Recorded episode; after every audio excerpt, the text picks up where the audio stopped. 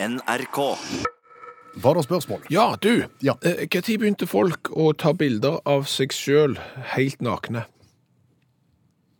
Tenker du at, du at de fikk folk til å ta bilder av seg helt nakne, eller at de begynte å ta bilder helt av seg sjøl med eget kamera? Ja, mest det siste. Ok. Ja. Hvorfor spør du? Jeg spør fordi at eh, Kim Kardashian, Ja. det er jo hun som er berømte fordi hun er berømte. Sant? Jeg tror ikke hun har gjort noe annet for å bli berømt enn å bli berømt, og derfor er hun berømte.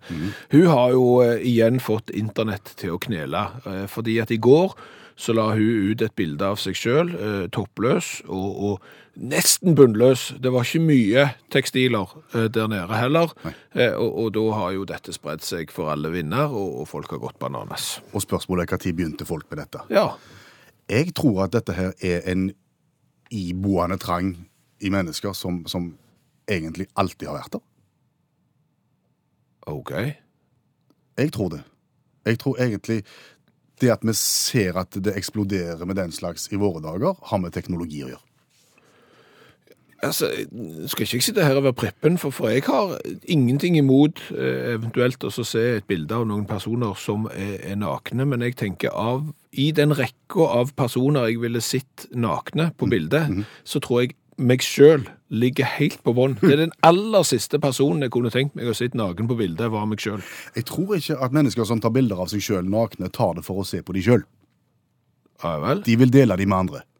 Ikke, til, ikke med mange andre, bortsett fra Kim Kardashian, Ja. men, men, men utgangspunktet noen som du er glad i, som du har i den intimeste krets. De vil du dele dem med. Ok. Og, og det mener du eh, folk hadde behov for for eksempel for 20-30 år siden, Ja. og bare at det, 100 år siden òg.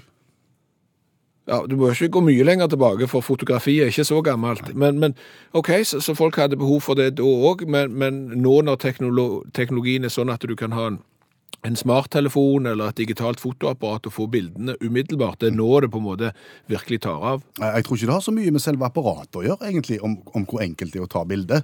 For, for det var enkelt før, og jeg tror det har med framkalling å gjøre. Ja.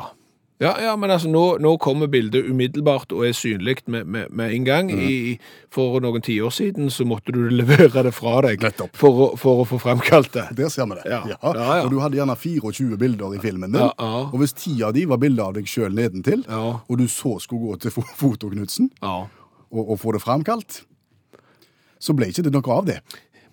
Det, det, var nok, det var nok en barriere for svært mange, Ja. hvis de visste at de hadde vovede bilder av seg sjøl, og gå ned til den lokale fremkalleren og få de fremkalt. Ja. Og jeg tar jo tippe at de som fremkalte bilder, de har sett mer enn det de tåler. Ja da. Eh, Men men ja, det, det var nok en barriere, ja. Ja, ja. Og jeg tror ikke det ble album av det heller, sa du.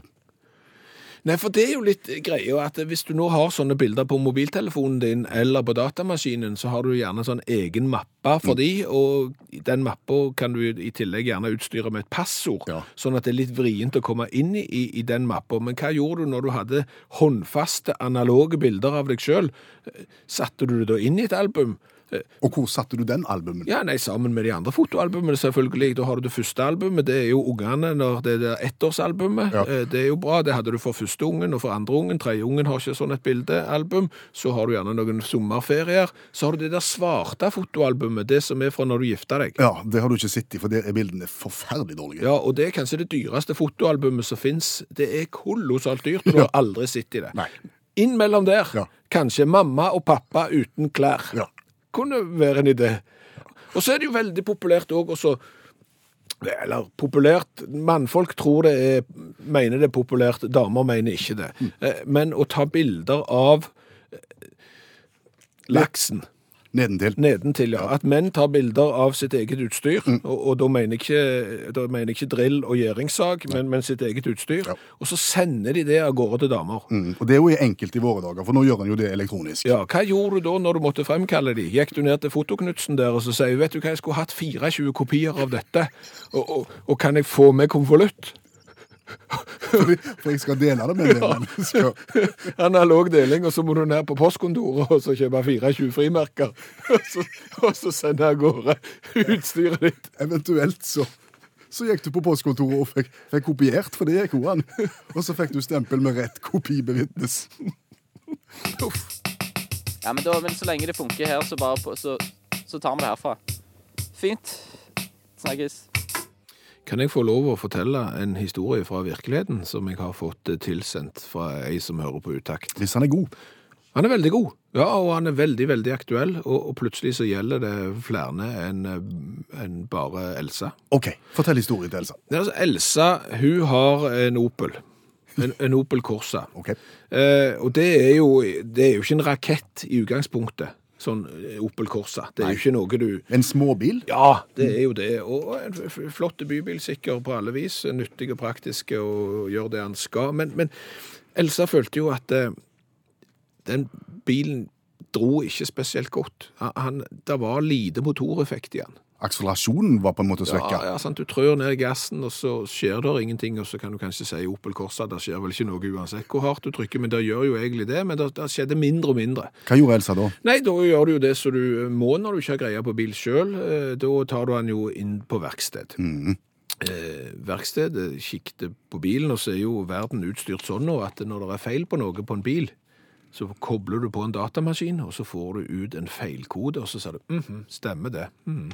Men, men verkstedet, de har jeg snakket med, eh, de fikk ingen feilkode. Ingen. Ingen. Så kikket rundt, og sorry, jeg fant ikke noe feil. Eh, Prøv litt til og se hva som skjer. Eh, Så Elsa kjørte litt til, og bilen ble iallfall ikke sprekere. Enda dødere. Ja, det vil jeg tro. Eh, Han ble, og, og da var jo turen inn til, til verkstedet nært forestående. Ja vel.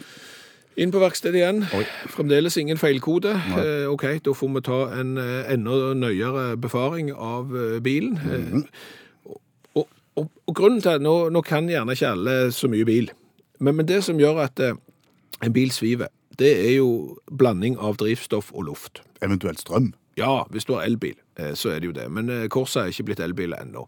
Eh, Så dermed så er det jo sånn, OK, hvis det er lite fres igjen, så kan det være mangel på drivstoff eller mangel på luft. Det var ikke mangel på drivstoff. Full tank. Ja, ikke sånn heller, men han fikk ikke for lite drivstoff inn i motoren. Eh, Da, er det, da må det være luft, kanskje. OK, og da går en til det som heter Da går en gjerne til luftfilteret. luftfilteret. Ja. OK. Eh, Der er det klare bevis på at denne bilen fikk eh, for lite luft.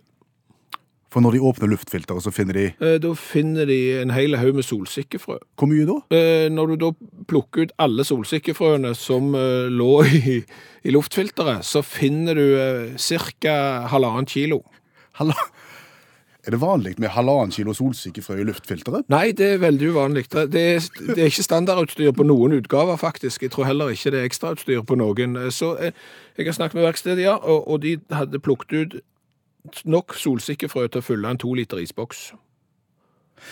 Betyr dette da at det er det moroklumper eller naboer eller et eller annet som har, har tøyst med Elsa her, og, og fullt luftfilteret med solsikkefrø? Nei, det er ikke det, for, for da må du jo begynne å tenke mhm, solsikkefrø i luftfilteret, hvor kommer det fra? Da begynner du å nøste. Hvor så vi solsikkefrø sist? Eh, solsikkefrø så vi sist i garasjen. Ja vel.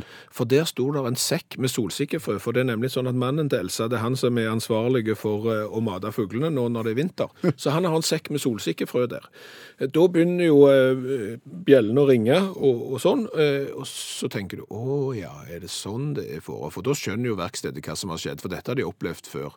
For det er nemlig gnagere som liker eh, solsikkefrø. Og luftfilter. Og luftfilter, faktisk. For når det er kaldt, og når vinteren er der, så vil gjerne småmus eh, gjemme seg en plass der er godt og lunt og varmt og sånn. Og mot bil og motorer er ingen sjelden plass. De spiser gjerne på elektriske kabler og på vannslanger og sånn, og klarer gjerne å gnage seg gjennom et luftfilter. Så mus har da vært i, i, i solsikkeposen til mannen til Elsa, Ja.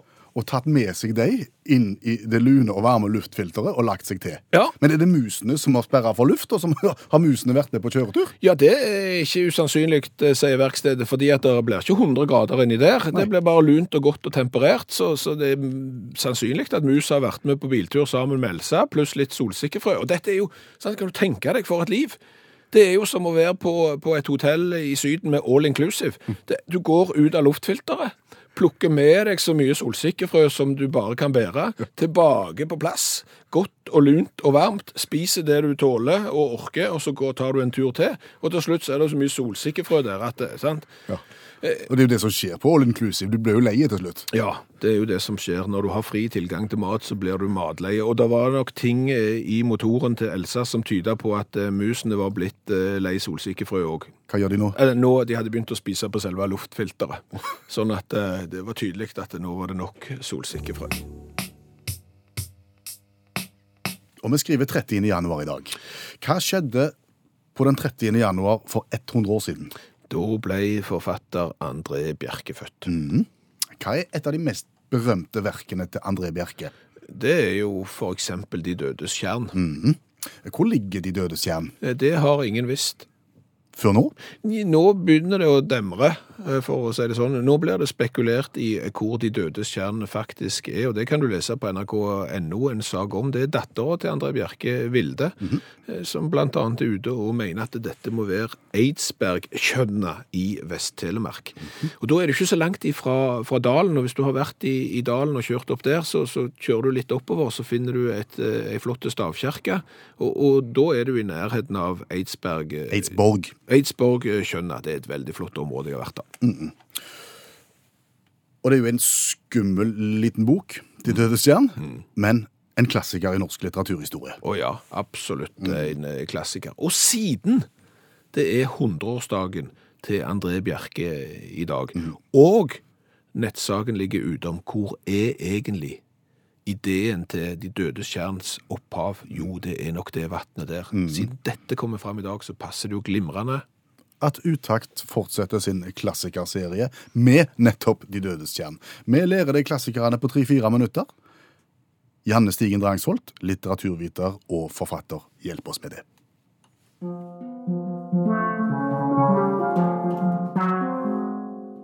De dødes kjern av André Bjerke fra 1942.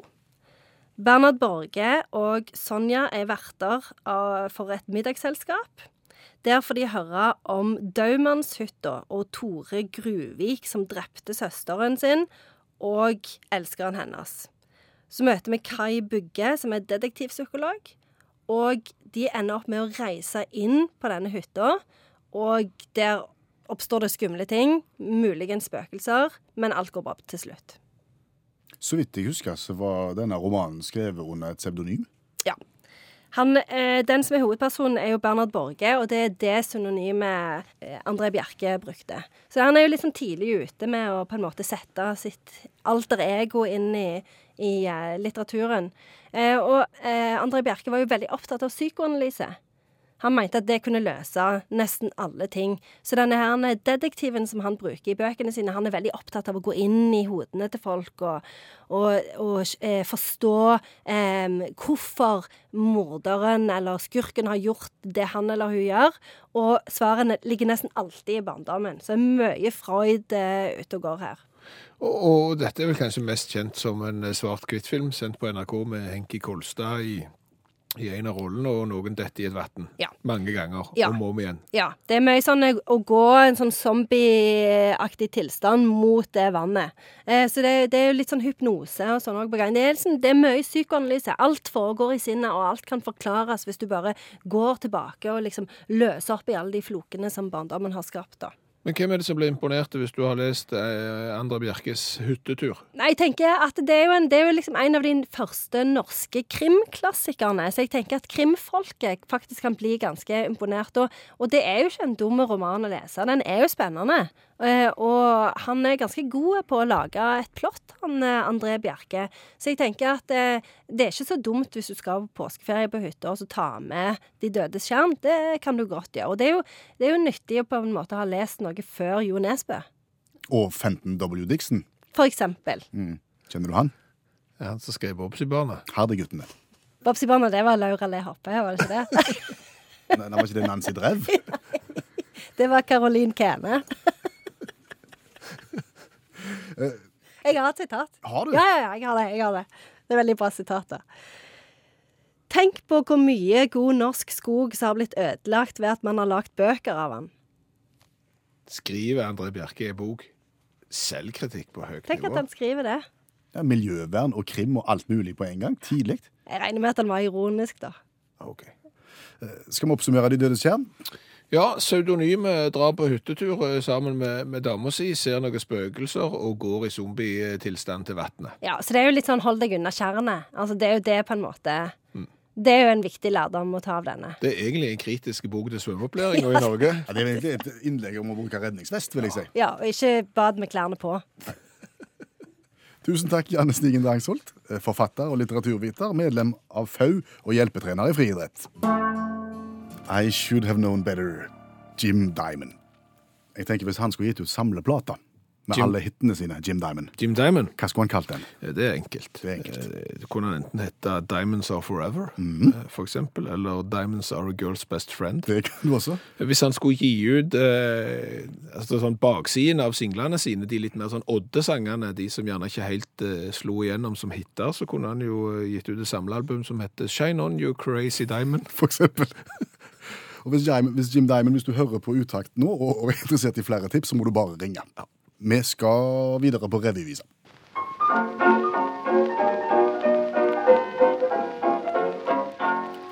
For vi forsøker hver dag eh, i løpet av en eh, 26 sekunders sangsnutt å si noe om et aktuelt tema i dag. Ja, og det har vi gjort noen uker nå, og hver eneste dag kunne vi sikkert lagt en sak om Arbeiderpartiet og MeToo, eh, men vi har latt være. I dag har vi gått for blekksprut i stedet. Ja, du har funnet eh, oppsiktsvekkende blekkbrus, blekkbrus, ja. Blekksprut-nytt. Ja, det er blekksprutbonanza, rett og slett. Dette står å lese i flere eh, norske medier i dag. Altså, Det er en rekordøkning av antall blekksprut i verdenshavene overalt. Og en lurer jo på hvorfor. Ja, eh, for, for mange raser, eh, mange typer fisker og dyr i havet er jo i ferd med å forsvinne. Korallrevene er ikke det de en gang var heller. Og plutselig oppi alt dette så, så er det blekksprutbonanza. Ja, og det de sier det er altså de, de ryggradløse dyrene viker plassen for de Nei, nei de tar plassen til de med ryggrad. Ja, der ser du. Eh, Det er det samme som skjer på landjorda. Eh, Igjen, de med ryggrad eh, blir tatt av de som ikke har ryggrad. Det er om å gjøre å være frekkest mulig. Der ser du. Og det som også er rart, ifølge forskerne, det er jo det faktum at, at blekksprut har hjerne. Blekksprut er smarte dyr. OK? Ja, men samtidig så fødes de veldig fort, og så dør de veldig fort. Så, oh, ja. så, så her er det på en måte et ganske sånn uutnytta potensial, et hjernepotensial. Å ja, så de får ikke tenkt seg om så lenge Nei. før de er ferdige? Nei, mens maneter, for eksempel, som er helt hjernedøde, fins ingenting. Nei. De har et lengre liv. Dette syns forskerne er rart. Ja, det syns jeg òg er rart. Ja. De, de, en, teori handler om uh, oppvarming. Klima. OK. Varmere hav. Varmere hav gjør at det er fisker som ikke trives, men, men ja, Blekksprutene blekksprutene blomstrer opp. opp. Men alt dette har jeg da fanga i en tekst som eh, varer i 27 sekunder. Har du lyst til å høre den? Ja. Da kommer han.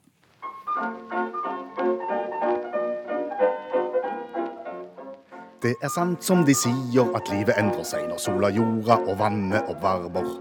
For dypt ned i havet så fødes stadig flere små patroner med svært lange armer. Og resultatet, ja, blekket det spruter. Setter farge på skip og på skuter. Har du robåt, så pass deg, det knytter seg jo fast, og det er vrient å løse opp åreknuter.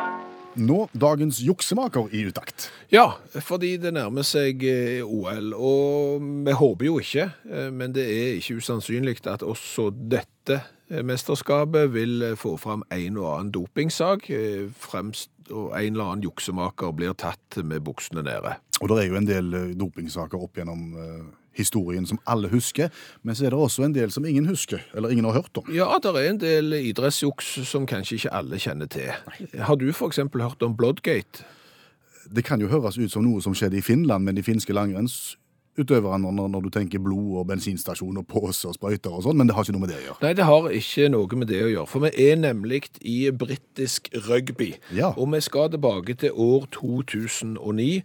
Harlequins spiller en eh, cupkamp mot Leinster. I, I rugby, og si noe hva rugby er for noe. Rugby er jo en sånn ovale fotball som de òg har i USA. Eh, forskjellen er jo at i Europa og i eh, New Zealand og Australia sånn, når de spiller rugby, så har de jo ikke på seg hjelm og, og beskyttelse på skuldre og alt. De har bare tannbeskyttere og teip rundt ørene. Og det er svære mennesker, dette her, og det er mye knuff og knaff. Ja, Ja. stemmer det. Det som er greia med Bloodgate, er at Stjerna på eh, Harlequins, eh, han eh, heter så mye som eh, Jim Evans. Han var en newzealandsk eh, stjerne. Han ble skada på stillingen 6-0. De lå under 6-0 Harlequins, og så måtte de ta ut stjerner. Da sliter de. Da sliter de. Men heldigvis, ved hjelp av Mick Brown, som hadde en kjempekamp, så klarer han nesten alene å utligne til 6-6. Å ja. Så på stillingen 6-6 så er det bare seks minutter igjen av kampen. Og treneren til Harlequins han har så lyst å sette innpå stjernespilleren sin igjen, han Jim Evans fra New Zealand. Men Kunne han ikke bare gjøre det, da? Han kan ikke det, for det er akkurat i fotball, at har du tatt ut en spiller, så kan du ikke sette han innpå igjen. Ikke under noen omstendighet? Jo, faktisk. Og det er her Bloodgate kommer inn. For i rugby så har de en særregel som kalles for blood substitution, altså blodbytte. Og det handler ikke om at du bytter blod med en annen kompis eller noe. Men hvis en spiller får en skade som gjør at han blør, og, får, og må ha behandling, sy eller et eller annet sånt, Ja. så kan du ta den spilleren ut, lappe han sammen, og i mellomtida, inntil et kvarter, kan du benytte deg av en annen spiller. Nå begynner vi å lukte lunter her. Ja.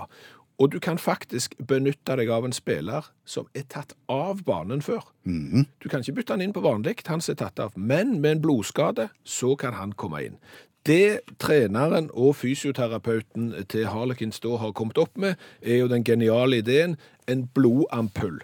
Jaha. Denne blodampullen blir gitt til Tom Williams, som neste gang han er i kontakt med en motstander, tygger på blodampullen, og han blør jo selvfølgelig i munnen. Ja, og da sier dommeren uh, da kan du gå av, og dere kan få lov å sette inn på en ny spiller, og de setter inn på Jim Evans, som skal inn og redde kampen. Gjør han det? Nei, de taper. Nei. De taper med eh, ett mål, så det gjorde ingen uh, forskjell. Men forbundet og TV-kameraene fanget jo opp den episoden, og da ble det dårlig stemning. Og da begynte jo etterforskningen. Og da viser det seg jo at Harlekins har jo brukt denne blodtaktikken opp til tre-fire ganger før. Eh, treneren han får eh, tre års karantene. Fysioterapeuten han får ikke den jobben han var forespeilt seg som fysioterapeut for det engelske landslaget. Legen deres, dr. Wendy Chapman, hun prøvde å ordne opp i situasjonen og prøve at liksom, vi må gjøre noe for å ikke bli avslørt. Så hun skar jo Tom Williams i leppa For å lage skikkelig sår? for å lage skikkelig sår og blod, men det var ingen som gikk på, så Harlequins eh, fikk seg en eh, ripe i lakken, for å si det helt fint. Skal vi si at det var blodig rettferdig? Det var blodig rettferdig, men det, i dag var iallfall dagens juksepave Harlequins rugbylaget. Kan du spille en vignett som jeg har lagd sjøl? Ja, greit.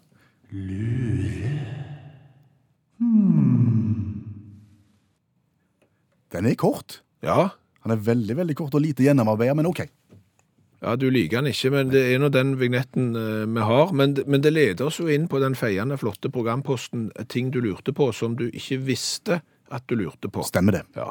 For har du eksempel lurt på hvorfor sjørøvere går med en sånn svart lapp over øya sitt? Det har jeg i utgangspunktet ikke lurt på, nei. Nei. Men når du da stiller meg spørsmålet, så kjenner jeg at det faktisk Jeg lurer litt på hvorfor sjørøverne gjerne går rundt med sånn én lapp foran øya. Ja, eh, hva tror du er årsaken? Blindhet. Blindhet, ja. Ja, pil i øya eller skade eller et eller annet. ja. Det er kolossalt mange sjørøvere, iallfall i hvert fall på film, som har mista det ene øyet. Veldig mye utsatt for blind vold. Ja, der, der ser du. Det kan nemlig tyde på at årsaken til at pirater, sjørøvere, gikk med en svart lapp over det ene øyet, Ja. var for å forbedre nattsynet. Å, For da er ikke det øyet utsatt for lys. Når det da blir mørkt, så kan du ta bare av den lappen der, og da har du et øye som er kalibrert for mørke, og vips, så har du et fortrinn hvis du skal ut og, og slåss om saltmat og sjømat og penger og gull. Da burde hun egentlig hatt med seg en sånn lapp i bilen og kjørt rundt med før en skulle inn i tunnel. Eh, ikke sikker, for det, det skjer noe med dybdesynet også, så det er ikke sikker du er så græla god faktisk å fekte når du er på pirat og skal gå planken uten å se stero. Det er gjerne vrient. Så er det jo sosialt selvmord òg, hvis du skal gå Hva har vi lært i dag? Og du all verden, har lært eh, mye i dag òg. Eh, blant annet litt om nakenselfies. eh, Ja. Det å ta bilde av seg sjøl naken. Det er nok et fenomen som er mer vanlig nå enn før, siden du slipper å gå ned til fotobutikken og fremkalle bildene. Nå fremkaller de seg sjøl i EDB-apparatet ditt. Men det har jo eksistert før òg. Ja. Ja, vi ble jo minna om, fikk melding fra flere, om at Fridtjof Nansen, han var jo en liten tase som likte å, å få tatt bilder av seg selv naken, og tok disse bildene på 20-tallet og sendte de da til sin 30 år yngre elskerinne, den amerikanske journalisten Brenda Ueland. Og jeg har sett disse bildene, eh, og det ser ut som de er tatt på et sted der det er veldig kaldt. Sier du det? Ja, Ja. hvis du skjønner hva jeg mener. Men han var jo gjerne på plasser hvor det var veldig kaldt. ja, så akkurat der ser det ut som det var kaldt når bildene ble tatt i hvert fall. Eh, så har vi jo lært det at eh, de dødes kjern Ja. eh, med stor sannsynlighet kan være Eidsborg-kjønna i Vest-Telemark. Ifølge datter til André Bjerke, som ble født for 100 år siden. Ja. Men da kunne fru Putte for Sørlandet tilføye at filmen De dødes kjern, den er tatt opp ved Kjernrudmyra på Jar. Da er det ikke så langt ifra Oslo, et lite idyllisk tjern med, med gakkakker og annet fjærkre i. Så det. Så har vi lært at eh, jeg sa feil i forrige uke om hvem som har skrevet Hardy-guttene. Jeg sa Fenton W. Dixon. Vi fikk kjeft. Det skal være Franklin. I dag sa du Fenton W. Dixon igjen. ja, og det skal fremdeles være Franklin. Ja, for Fenton er faren. Ja, Så vi tar selvkritikk for manglende kunnskap om Hardy-guttene. Helt til slutt så har vi jo lært om Elsa som fikk musebesøk i eh, Opelen sin. I luftfilteret. Ja, 1,2 eller nærmere halvannet kilo med solsikkefrø ble funnet i eh, luftfilteret. Frakta ved- av mus. Ja, eh, og Tanja har sendt melding om at det er andre ting som også passer i en Opel, hvis du skal tulle litt med folk. Eh, Der ble det lagt gammelost i varmeapparatet på den bilen. En- Det var en kamerat som hadde den, og på de varmeste sommerdagene på, på 80-tallet så, så ble det god gang inni bilen når du hadde plassert gammelost i, i varmeapparatet. De var kamerater. Ja, det er vel ting som tyder på det. Hør flere podkaster på nrk.no podkast.